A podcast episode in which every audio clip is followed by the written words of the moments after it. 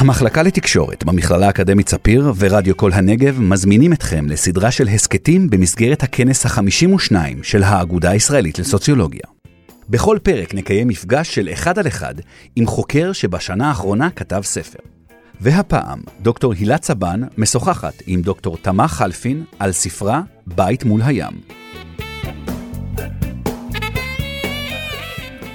כשאני רציתי ללכת ללמוד, אחרי שהשתחררתי מהצבא ועבדתי שנה בפעוטון, כמו שכל הבנות בקיבוץ עושות, אה, היה צריך ללכת לדבר, לבקש אישור לצאת ללימודים ממרכזת ועדת בנים, שזה ועדה שאחראית על כל הצעירים בקיבוץ. והלכתי אליה הביתה, קבעתי את הפגישה, הלכתי אליה הביתה בשעות הערב, וכשעמדתי על ה... ליד הדלת של הבית שלה, קלטתי שאני עם דופק 120, שאני נורא לחוצה. וניסיתי להבין למה. ואז הבנתי, מה שהלחיץ אותי היה שאותה מרכזת ועדת בנים הייתה מטפלת שלי, כשהייתי ילדה קטנה בבית ספר יסודי. וכשהייתי ילדה קטנה בבית ספר יסודי לא כל כך הסתדרתי איתה. כן, היא כל הזמן הייתה עסוקה בלנסות ליישר אותי, ואני הייתי כל הזמן עסוקה בלנסות לברוח מהתבניות שהיא הציבה לי. ועמדתי שם, ונכנסתי פנימה, והיא הייתה מאוד נחמדה אליי ושאלה אותי, אז מה את רוצה ללמוד? אמרתי לה, פילוסופיה וסוציולוגיה. ואז בבת אחת פניה אה, התקרקמו והתעצבו, והיא הסתכלה עליי ואמרה לי, אבל מה תעשי עם זה? אני ככה השפלתי מבט ואמרתי לה, לא יודעת, אני אסתדר. והיא אמרה לי, את יודעת, אנחנו יכולים לשלוח אותך להכוונה מקצועית. ואני אמרתי לה, אבל הכוונה מקצועית זה לאנשים שלא יודעים מה הם רוצים. אני יודעת מה אני רוצה. והיא נאלצה, נאלצה לאשר לי את הבחירה, כי לפי תקנון הקיבוץ, אה, היא לא יכולה לפקח על מה שאני רוצה ללמוד. אה, ואני הלכתי משם לבית הוריי, אה, נכנסתי, טרקתי את הדלת ואמרתי להם, החצופה הזאת, מה היא בכלל מחטטת לי? מה זה עניינה? מה אני רוצה ללמוד? למה בכלל זה קשור אליה? אה, והבנתי ככה בפנים, באותו רגע שאני בקיבוץ לא אשאר. אז שלום לכולם. אני רוצה להציג את דוקטור תמה חלפין. תמה היא סוציולוגית ואנתרופולוגית. אה, היא חוקרת הקיבוץ מזה הרבה שנים. והיא כתבה ספר נפלא שנקרא בית מול הים, אה, והיא תדבר איתנו היום על הספר הזה. ותמה, שלום לך. שלום. איך הגעת לנושא הזה? למה את חוקרת קיבוצים? תראי, אני גדלתי בקיבוץ, אה, והתחנכתי בקיבוץ, ועזבתי קיבוץ. כלומר, די עזבתי אותו ברגע הראשון שהייתה לי הזדמנות. ככה, אחרי הצבא, אה, היה נהוג אז שמשתחררים מהצבא, עובדים שנה בקיבוץ. תמורת השנת עבודה הזאת מקבלים מהקיבוץ שכר לימוד לאוניברסיטה ודברים מהסוג הזה. אה, ואני בעצם עזבתי די ברגע שיכולתי. אבל אה, לא עזבתי בכעס, עזבתי כי זה לא התאים לי. אבל לאורך השנים, ולאורך השנים שלי באקדמיה, הבנתי יותר ויותר שזה מרתק אותי ומקסים אותי. ככה, בסוף התואר הראשון כבר, בעבודות האקדמיות שלי, שהייתי צריכה להגיש, התחלתי לחזור לקיבוץ. קצת בפילוסופיה התעסקתי עם, uh, בלימודי, בלימודי הפילוסופיה, שבסוף הלכתי אליהם. התעסקתי קצת בפילוסופיה פוליטית, ובמה זה אוטופיה, ואיך זה עובד. וגם בלימודים של הסוציולוגיה והאנתרופולוגיה התחלתי לשאול כל מיני שאלות שקשורות לקיבוץ. את העבודת מאסטר שלי עשיתי על הזיכרון של הלינה המשותפת, התעסקתי עם החינוך הקיבוצי. וכשהחלטתי לעשות דוקטורט, הבנתי שזה מה שאני רוצה לעשות. אני רוצה להיות אנתרופולוגית, ואני רוצה ללכת לעשות עבודת שדה בקיבוץ. אה, וקיבוץ זה דבר שריתק אנתרופולוגים מ... באמת מראשיתו, אבל עבודת שדה קלאסית, אנתרופולוגית, לשבת, לעשות תצפית משתתפת, להסתכל על כל תחומי החיים, לא עשו בקיבוץ כבר עשרות שנים. איך קרה שבחרת דווקא את הקיבוץ הזה כזירה לחקירה אנתרופולוגית של קיבוץ? אה, זה היה מקרי לגמרי. זאת אומרת, אני הגדרתי לעצמי קצת מה אני רוצה. אמרתי, אני רוצה קיבוץ שעוד לא סיים את כל תהליכי ההפרטה שלו, כאילו שעוד אפשר להסתכל, לראות גם קיבוץ uh, של פעם, אבל לאו דווקא קיבוץ הכי שיתופי בעולם, כן? אבל משהו שעוד לא, לא חצה את הנהר לגמרי. Um, ומכל מיני סיבות אופרטיביות של החיים, uh, אז גם גיאוגרפית קצת הגבלתי את עצמי. אה, לא רציתי קיבוץ גדול מדי, כי רציתי להצליח לעשות תצפית משתתפת בקהילה קטנה יחסית, אז אתה יותר קל להשתלט על אה, כל היחסים החברתיים, להבין מי בן דוד של מי, מי אוהב את מי, מי שונא את מי, ככל שהקהילה גדולה יותר, יותר קשה להשתלט על זה. קיבוץ קטן, אתה תוך שנתיים כבר מבין מי נגד מי, ומכיר את ההיסטוריה ואת היחסים. אה, ואז מצאתי קיבוץ שענה על הקריטריונים האלה, עדיין לא עשה שינוי אה, רציני, רק נמצא בתחילת הדיונים של התהליך, לא גדול מדי, מתאים לי גיאוגרפית. פניתי למזכירת אה, הקיבוץ באיזה מכתב נרגש, עם הסברים מלומדים והכול, ונעניתי בתשובה הבאה: אם תמצאי דירה פנויה, זה בסדר. ומצאת? ומצאתי, כן. גרתי שם באמת בדירה... אה, עלובה ביותר. מי שמכיר אה, דירות של קיבוצים, אה, במין חדר קטן כזה, שני דירת שני חדרים קטנה ומטה לנפול. עם סדקים בקירות ומשהו שלא שיפצו כבר מלא שנים, קרמיקה עם עובש במקלחת. דירה קיבוצית סטנדרטית, אבל זה מה שהיה פנוי. זאת אומרת, וכמה זמן היית צריכה לגור במציאה הזאת? שנתיים גרתי במציאה הנפלאה הזאת. אה, הבת הבכורה שלי נולדה שם. אה, וזה באמת היה קצת מנג'ס, אבל לפחות יכולתי לפתח כל מיני פנטזיות רומנטיות כאלה, כן? שאני... כמו, את יודעת, איזה אנתרופולוג שנוסע לאיזה שבט ומקריב את חיי הנוחות שלו למען עובש באמבטיה. יפה. אז איך מתחילים? הגעת לשם, שכרת דירה, מה עשית? איך, איך uh, התחלת לגלות את הגילויים המרשימים שהספר הזה מגיע אליהם בסופו של דבר? זה באמת שאלה שהייתה לי קשה. גמרתי לעבור דירה, גמרתי להסתדר, סידרתי את הדברים, הבנתי מי נגד מי, כאילו, איפה אני גרה, איפה החדר אוכל, איפה הדואר, כל הדברים האלה. מתחילים החיים הרגילים. קמים בבוקר, מה עושים? ו... זאת אומרת, אני קמה בבוקר, ואני צריכה עכשיו להתחיל לעשות מחקר. עכשיו, תצפית משתתפת, זה אומר, כן, אה, ללכת ולהתערות ולהשתתף בחיי היום-יום של הקיבוץ. אבל מה המשמעות של זה?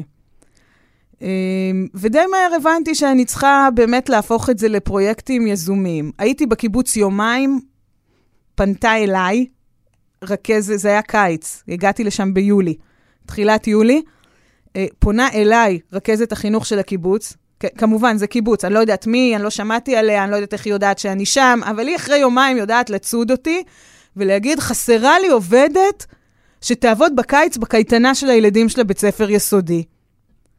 אמ, כי ככה קיבוץ עובד, כן? היא אמרה שחסר, ומישהו שמע שבדיוק באה משפחה וגרה וחדר וזה, והיא עשתה אחד ועוד אחד, והיא באה לנסות את מזלה, ואז התחלתי לעבוד בעצם בקייטנה של הילדים. שזה היה מצוין, למד, הכרתי את ההורים שלהם, הכרתי ככה, בקיץ הם בקיבוץ עושים כל מיני פעילויות, אז uh, הכרתי את החדר אוכל, הכרתי כאילו כל מיני ענפים, כל מיני דברים. Uh, ו...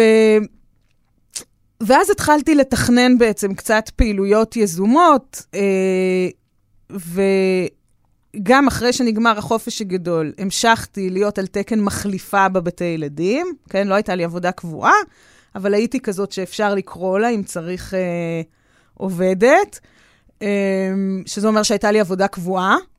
אה, ובנוסף, הכרחתי את עצמי כל יום ללכת לחדר אוכל לארוחת צהריים, למרות שזה קצת לא נעים בהתחלה. את נכנסת, את לא מכירה כמעט אף אחד.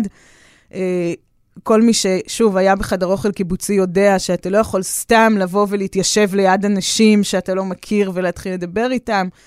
אבל הכרחתי את עצמי לעשות את זה, ולאט לאט הפכתי לחלק מהנוף. אמ, בנוסף, אה, הכנסתי את עצמי לכל מיני ועדות וצוותים שהקיבוץ מקיים, אלה שאפשרו לי כמובן, אה, כל הוועדות אה, תרבות שמכינות חגים וערבי תרבות וזה, ניגבתי המון כיסאות בשנתיים האלה. אה, ולמקומות שבהם מנהלים את הקיבוץ לא נתנו לי להיכנס, כן, למזכירות וזה, אבל הם כן נתנו לי להיכנס, הם הקימו צוות מיוחד אה, לבחינה של השינוי שהם הולכים לעשות בקיבוץ, ושם הם נתנו לי לשבת. אה, באתי, ביקשתי, הם, הם דנו בזה, הצוות ערך דיון אם לאשר לי להשתתף, ושם הם נתנו לי לצו, לשבת, ויש uh, כמעט פרק מהספר שמבוסס על מה שקרה בצוות הזה ומסביבו. Uh, ואחרי זה גם נולדה לי ילדה, ושלחתי אותה באיזשהו שלב לבית התינוקות של הקיבוץ, וגם דרכה ודרך כל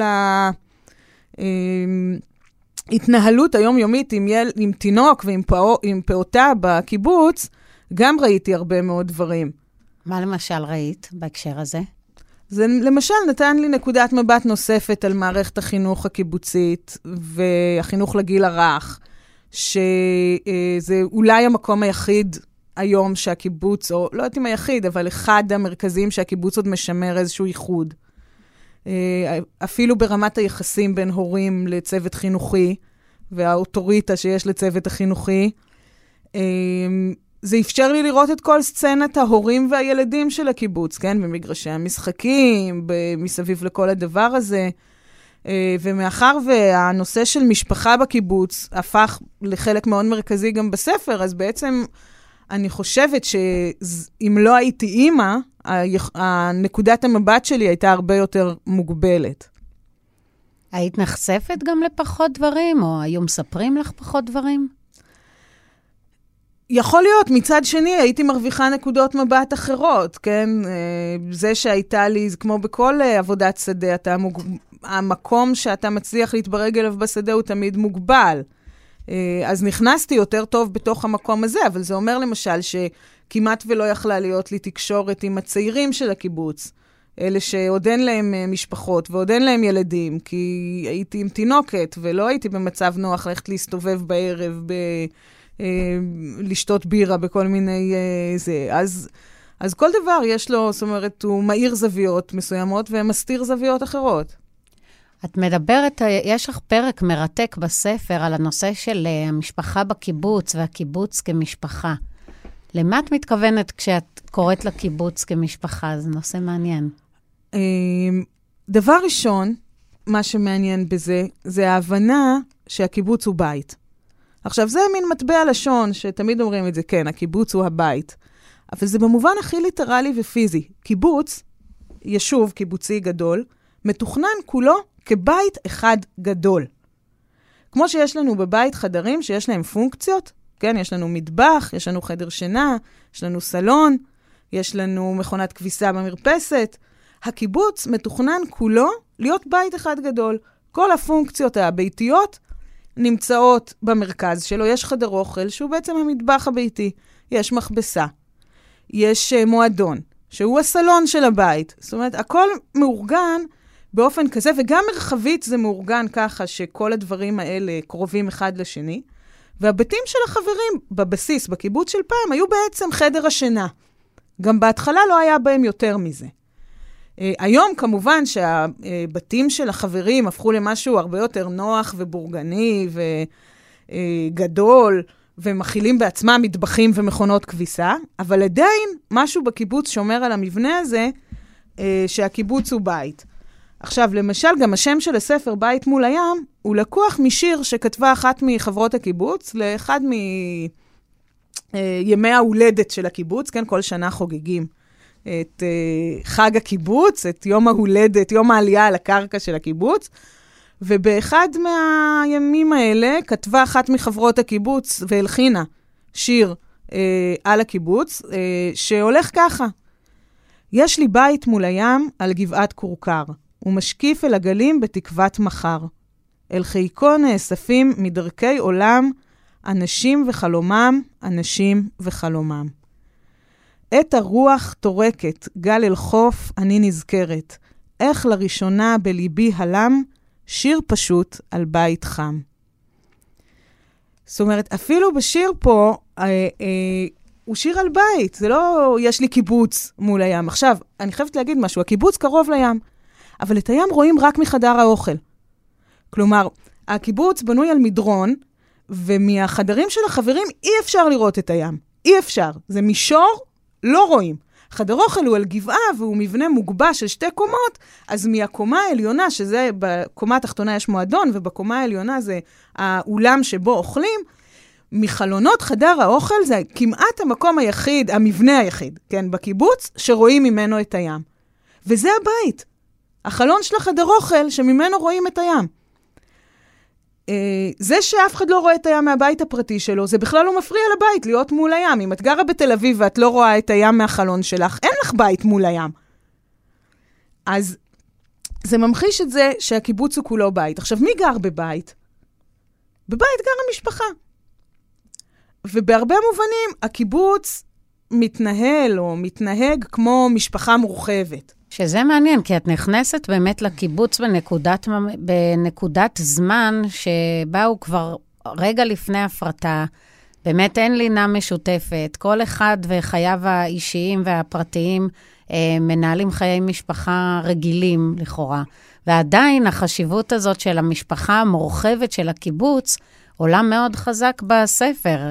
אני רוצה לתת איזה דוגמה לדבר הזה. למשל, אני יום אחד הולכת באמצע, באחד המדרכות הראשיות של הקיבוץ, ככה באמת באזור של החדר אוכל וכל הדברים האלה, ואני רואה על המדרכה את מרכז ועדת בנים עם אה, מישהי, אישה, חברת קיבוץ מבוגרת, והם בוויכוח נוראי ביניהם. אני לא ממש מצליחה להבין, אני רק רואה שיש שם ויכוח מאוד גדול, ו- והיא מאוד מאוד נסערת, והוא אומר לה, אי אפשר, אני לא יכול לעשות את זה, והיא אומרת לו, מה שקיבוצניקים הרבה פעמים אומרים, היא אומרת לו, כי רק את התקנון אתה רואה, כי אכפת לך רק מהתקנון, ולא אכפת לך מה, ממני, ולא אכפת לך מהבנים, רק מה, מהתקנון. כלומר, אתה נאמן לכללים, לא לאנשים. בעצם מה הסיפור פה? הבן שלה הוא בן 28, כן? הקיבוץ אומר, עד גיל 30 אתם יכולים לבוא, ללכת, גם אם אתם לא חברי קיבוץ. אבל, באיזשהו שלב, אנחנו, אתם לא יכולים להחזיק פה חדר כל העשור הזה אם אתם לא גרים פה. אז מי שעוזב אחרי חצי שנה, הקיבוץ לוקח לו את החדר. יחזור, יקבל חדר, כן? Mm. עד גיל 30. אבל אם הוא לא גר פה, אחרי חצי שנה, אנחנו לוקחים לו את החדר. ואז היא אומרת, בעצם באופן מאוד ברור, היא אומרת, הוא לא יבוא הביתה, כי הבית שלו זה לא הבית שלי, של אימא שלו, כן? הבית שלו זה הקיבוץ. זה גם לא החדר שלו שהוא עובר כל שנה, צעירים כל הזמן מזיזים אותם, כן? זה לא איזה חדר שהוא גדל בו והוא קשור אליו. זה הבית שלו, זה הקיבוץ. ואם אין לו פה את המקום, בעצם היא מרגישה שהקיבוץ מגרש לה את הילד. שוב, זה הקונפליקט הזה, שמצד אחד המשפחה הזאת, הקטנה, הגרעינית, היא לא יכולה לתפקד כמו משפחה גרעינית במקום אחר. זה קיבוץ שהוא עדיין שיתופי. עדיין שיתופי. זה אומר שלהורים אין כסף לעזור לילדים. עצם התפיסה אה, אה, הזאת שאלה בנים של הקיבוץ. אולי אחת הדוגמאות הסימבוליות, האולטימטיביות לזה שכולם מכירים, זה טקס חג השבועות בקיבוץ. שהוא טקס ככה שגם מחוץ לקיבוצים יש לו, אה, כל שנה בשער האחורי של ידיעות אחרונות יש תמונות מטקס הביקורים בקיבוץ, זה משהו מאוד סמלי בחברה הישראלית. מה עושים בטקס הביקורים? מביאים תוצרת, כן? הרפת מביאה את החלב, המפעל מביא את uh, תוצרתו, הפרדס את לימוניו, uh, וכך הלאה. ושיא הטקס בכל הקיבוצים הוא הרגע שבו מעלים לבמה את הילדים שנולדו בשנה האחרונה לקיבוץ. עולה הילד ב- בידיים של אחד מהוריו, או עם שניהם, או לפעמים אפילו עם אחיו, הקריין מקריא את השם שלו, את השם של ההורים שלו, אם יש לו סבא וסבתא בקיבוץ, גם את השם של הסבא והסבתא שלו. כלומר, יש, זה פרסונלי, יש פה משפחה גרעינית, אנחנו מציגים אותה, אבל היא חלק מהקולקטיב הזה, והילדים האלה הם ילדים קולקטיביים. לכן יש לנו עניין להסתכל עליהם ביחד, להציג אותם לראווה, כן? קצת כמו, כאילו, אני לא רוצה להישמע צינית ולהגיד, כן, כמו העגלות ברפת וכמו האבוקדו. אבל במובן מסוים הם תוצרת משותפת, כן? זה לא שהילד הוא עגלה. אלא הילד הוא תוצרת משותפת של הקולקטיב, כמו שהאבוקדו הוא תוצרת משותפת של הקולקטיב. הרי לא כולם עובדים באבוקדו. שלושה חברי קיבוץ עובדים באבוקדו. אבל כולנו גאים באבוקדו. והילדים זה אותו דבר. זה ברור שאלה הילדים, כן, של אה, דליה ואריק. לא הילד, שהם ההורים שלהם. זה ברור שהם יצרו אותם. אבל הם חלק מהתוצרת הקולקטיבית, וכולנו גאים בהם. מצד אחד, יחסים של משפחה, כן, שאנחנו מדברים עליהם, שהם יחסים שבנויים על אהבה, דאגה, אה, כל הדברים שאנחנו מייחסים למשפחה. מצד שני, יש פה תקנון, יש פה יחסים חוזיים. והעירוב הזה כל הזמן בין החוזה לבין, ה... נקרא לזה, הקר, כן, הדאגה, האחריות, הוא, הוא כל הזמן מתנגש. כל הזמן מתנגש. הקיבוץ לוקח על עצמו תפקיד של הורה קולקטיבי, כי הם לא באים בתלונה להורים הפרטיים שלהם, אמא שלי לא נתנה לי שכר, נתת לאח שלי יותר. לא, יש תלונה אל הקיבוץ. העניין הכלכלי, המשפחה הרי שלא בקיבוץ, המשפחה היא היחידה הכלכלית הבסיסית, נכון? בגלל זה האחים מתחשבנים מול ההורים. כי המשפחה היא משק הבית, היא היחידה הכלכלית. בקיבוץ המשפחה היא לא יחידה כלכלית. היחידה הכלכלית היא הקיבוץ. ולכן, כל ההתחשבנויות האלה, שהן מאוד משפחתיות, כן? הן קורות מול ישות קולקטיבית, שנקראת הקיבוץ. עכשיו, קיבוץ זה חברה של מאות, קהילה של מאות אנשים, יש כללים, יש מפתחות. זה, מה זה תקנון? תקנון זה מפתח לאיך מחלקים. ואז אי אפשר, הרבה פעמים התקנון מפריע לראות את זה שאימא שלך יכולה להגיד לך, אח שלך היה צריך יותר כי יותר קשה לו. התקנון לא רואה את זה. אבל התקנון עובד לפי העיקרון של uh, כל אחד לפי צרכיו ולפי יכולתו, לא? התקנון עובד, דבר ראשון, לפי עקרון השוויון, שמבטיח חלוקה שווה לכולם. בתוך החלוקה השווה הוא מחויב להתחשב בצרכים של אנשים. וזה דווקא, זה, זה מעביר אותי, כי, כי ב, בתוך ההפרטה בקיבוצים, בדיוק הדבר הזה עומד למבחן.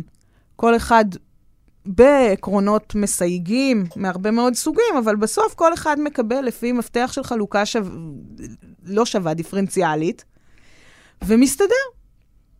ועכשיו, אם, אם אני ואת מרוויחות אותו דבר בקיבוץ הדיפרנציאלי, ולי יש הורים שאני צריכה לנסוע אליהם בחוץ לארץ ולך לא, אה, אז אני אצטרך לוותר על משהו אחר. זאת אומרת, שוב, כמו תחשיב כלכלי של משפחה מחוץ לקיבוץ.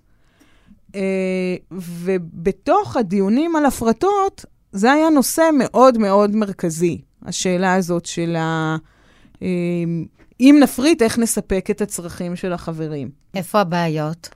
הבעיות הן שהפרטה היא לא עניין טכני.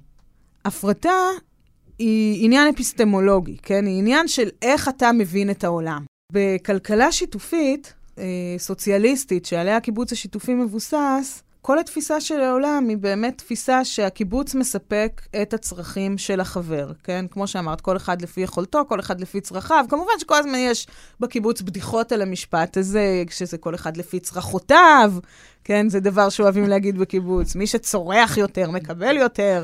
אה, אבל גם אם מתבדחים על זה, וגם אם יש אמת בבדיחות האלה, עדיין מתבדחים על זה כי זה מפתח החלוקה. המפתח הוא של, אה, נקרא לזה, כלכלת צרכים. כן, אנחנו מחליטים, הקיבוץ גם מחליט מה הצרכים של החבר. תחשבו על קיבוץ של פעם-פעם, שמחלק לחברים רכוש ממש, כן? אומר, כל חבר צריך שיהיה לו בבית ספה ושולחן וקומקום ומקרר, והקיבוץ מספק את המוצרים האלה. בשלב קצת יותר מתקדם, הקיבוץ מאפשר בחירה בין דגמים מסוימים. בשלב יותר מתקדם, הקיבוץ מחליף את זה בכסף. הוא אומר, במקום לתת ספה, אני אתן לך 2,000 שקל, כן? ואתה תחליט אה, איזה ספה לקנות, או אולי תחליט שאתה לא רוצה ספה. כן? זה כבר השלב המתקדם יותר. אבל עדיין הבסיס של החיים הוא תקציב שווה שניתן לחברים, והמפתח שלפיו התקציב הזה נקבע הוא מפתח של צרכים. מה, וכמובן של יכולות, כן? מה הקיבוץ יכול לתת, אבל הבסיס המינימלי הוא על מפתח צרכים, כן? רהיטים. אה, עכשיו, מה אני מגדיר כצורך? למשל, אני מגדיר כצורך תיאטרון, אני מגדיר כצורך אה, ספרים, קולנוע, כלומר תרבות. ולקיבוץ יש תפיסות מסוימות ש, שמגדירות מה הם צרכים. ברגע שאנחנו הולכים למהלך של הפרטה, בכל קנה מידה, אפילו ההפרטה הכי מינימלית שיש, אני מוותרת על התפיסה הזאת. אני רוצה לתת לזה דוגמה מהצוות הזה שסיפרתי קודם שישבתי בו, שדן בהפרטות. הם דנו בהפרטה של נושא מאוד מרכזי בקיבוץ, רכב. בקיבוץ השיתופי אין רכבים פרטיים. יש צי רכב משותף. היום, דווקא בחברה הקפיטליסטית שלנו, כן, יש כל מיני רעיונות לחזור לזה, נכון? לרכבים שיתופיים ודברים מהסוג הזה. זה באמת הרבה יותר חסכוני, שימוש שיתופי ברכבים.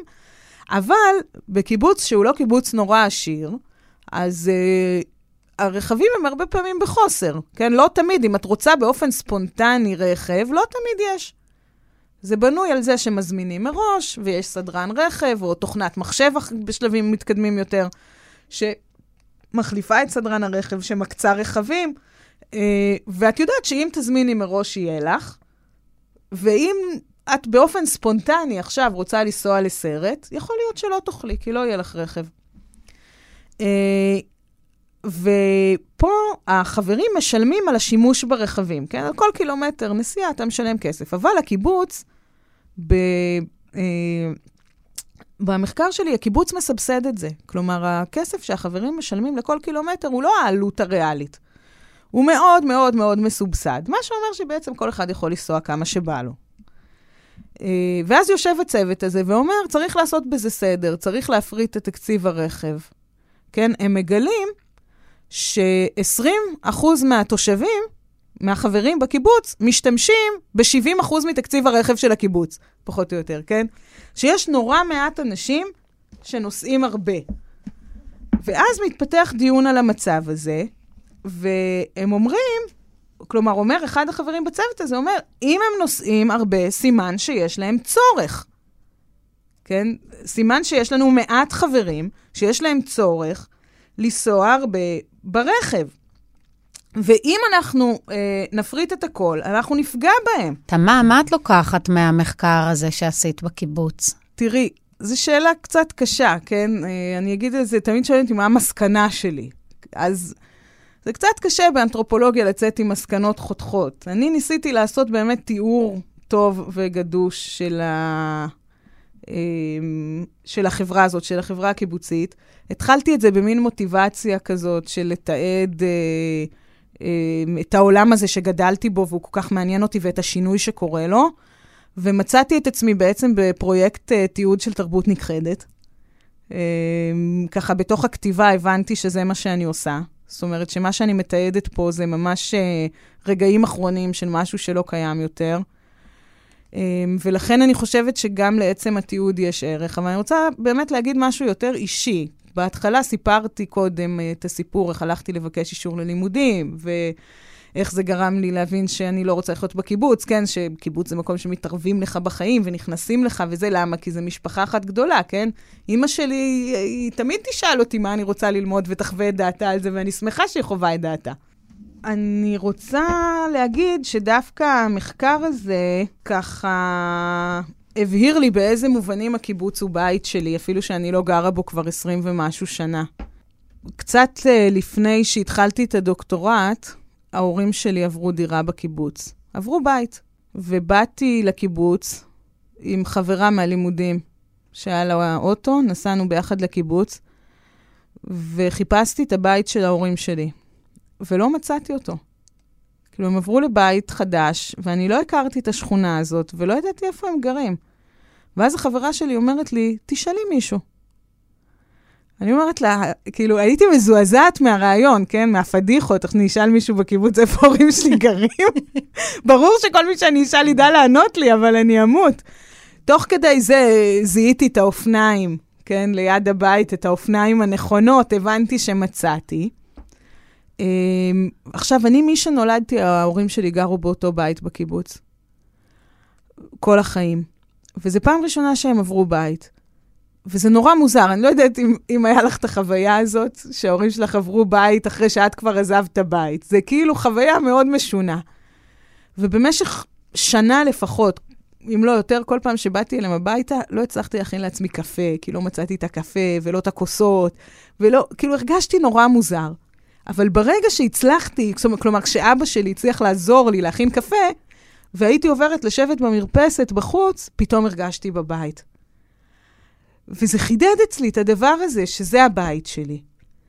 עכשיו, ההבנה שזה הבית שלי גם גרמה לי להפסיק לכעוס על אותה מרכזת ועדת אה, בנים, שהייתה מטפלת שלי, ושרצתה לעשות לי הכוונה מקצועית בשביל שאני לא אלך ללמוד אנתרופולוגיה, כן? אה, הפסקתי לכעוס עליה. זאת אומרת, הבנתי שהיא דאגה לי. כן? זאת אומרת, ש, שהמבט שלה עליי היה מבט הורי. מבט של מין דאגה קולקטיבית כזאת. היא מרכזת ועדת בנים, אני בת קיבוץ, היא צריכה לעזור לי. ומה שאני חוויתי בגיל 21, בתור איזו התערבות באוטונומיה האינדיבידואלית שניסיתי לגדל, אמ, פתאום אה, קיבל פרשנות חדשה של אה, וואלה, היא חלק מהבית הזה, היא חלק מהמקום הזה, שאני אמנם עזבתי אותו, אבל, אה, אבל שהוא חלק ממני, ו, והיא חלק מהבית שלי. זאת אומרת, כל ה... אם היה לי איזה שהם, לא יודעת מה, מטענים, כעסים, זה פירק אותם אה, לגמרי. עכשיו, שואלים אותי לפעמים, בהקשר הזה, כן, אם אני חושבת שהקיבוץ הוא הצלחה או כישלון, אני חושבת שאלה לא מילים נכונות בכלל לדבר על זה. אה, כי אלה מילים שדורשות אה, לשפוט דברים. זאת אומרת, אני גם לא יודעת מה יהיה. אני רואה שגם קיבוצים, שהרבה מהקיבוצים שמפריטים את עצמם מנסים להמשיך לשמור על מנגנונים של קהילתיות וערבות הדדית ולנסות לייצר אלטרנטיבה. אני רואה יחד עם זה גם איך הם מכניסים לתוכם אוכלוסיות מאוד גדולות שכל האג'נדה הזאת לא מעניינת אותן. אה, זה מעניין לראות לאן הדבר הזה ילך. נושא למחקר הבא שלך אולי. אולי. אני חוזרת אחורה בינתיים.